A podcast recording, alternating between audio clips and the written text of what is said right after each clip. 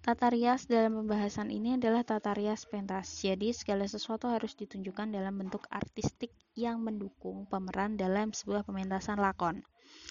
Tata rias yaitu bagaimana cara menggunakan bahan-bahan kosmetik untuk mewujudkan wajah atau gambaran peran yang akan dimainkan. Sebagai contoh, seorang pemeran dalam kehidupan sehari-hari mungkin dikenal sebagai seorang pelajar, tapi di panggung dia akan menjadi manusia lain, menjadi seorang pemeran yang digariskan oleh seorang penulis lakon.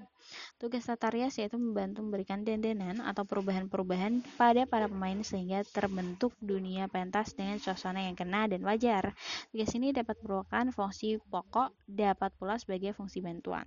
Sebagai fungsi pokok, misalnya, tata rias ini mengubah seseorang gadis belia menjadi nenek tua atau seorang wanita memainkan peran sebagai laki-laki atau sebaliknya. Sebagai fungsi bantuan, misalnya, seorang gadis muda harus memainkan peranan sebagai gadis muda, tetapi harus memerlukan sedikit riasan.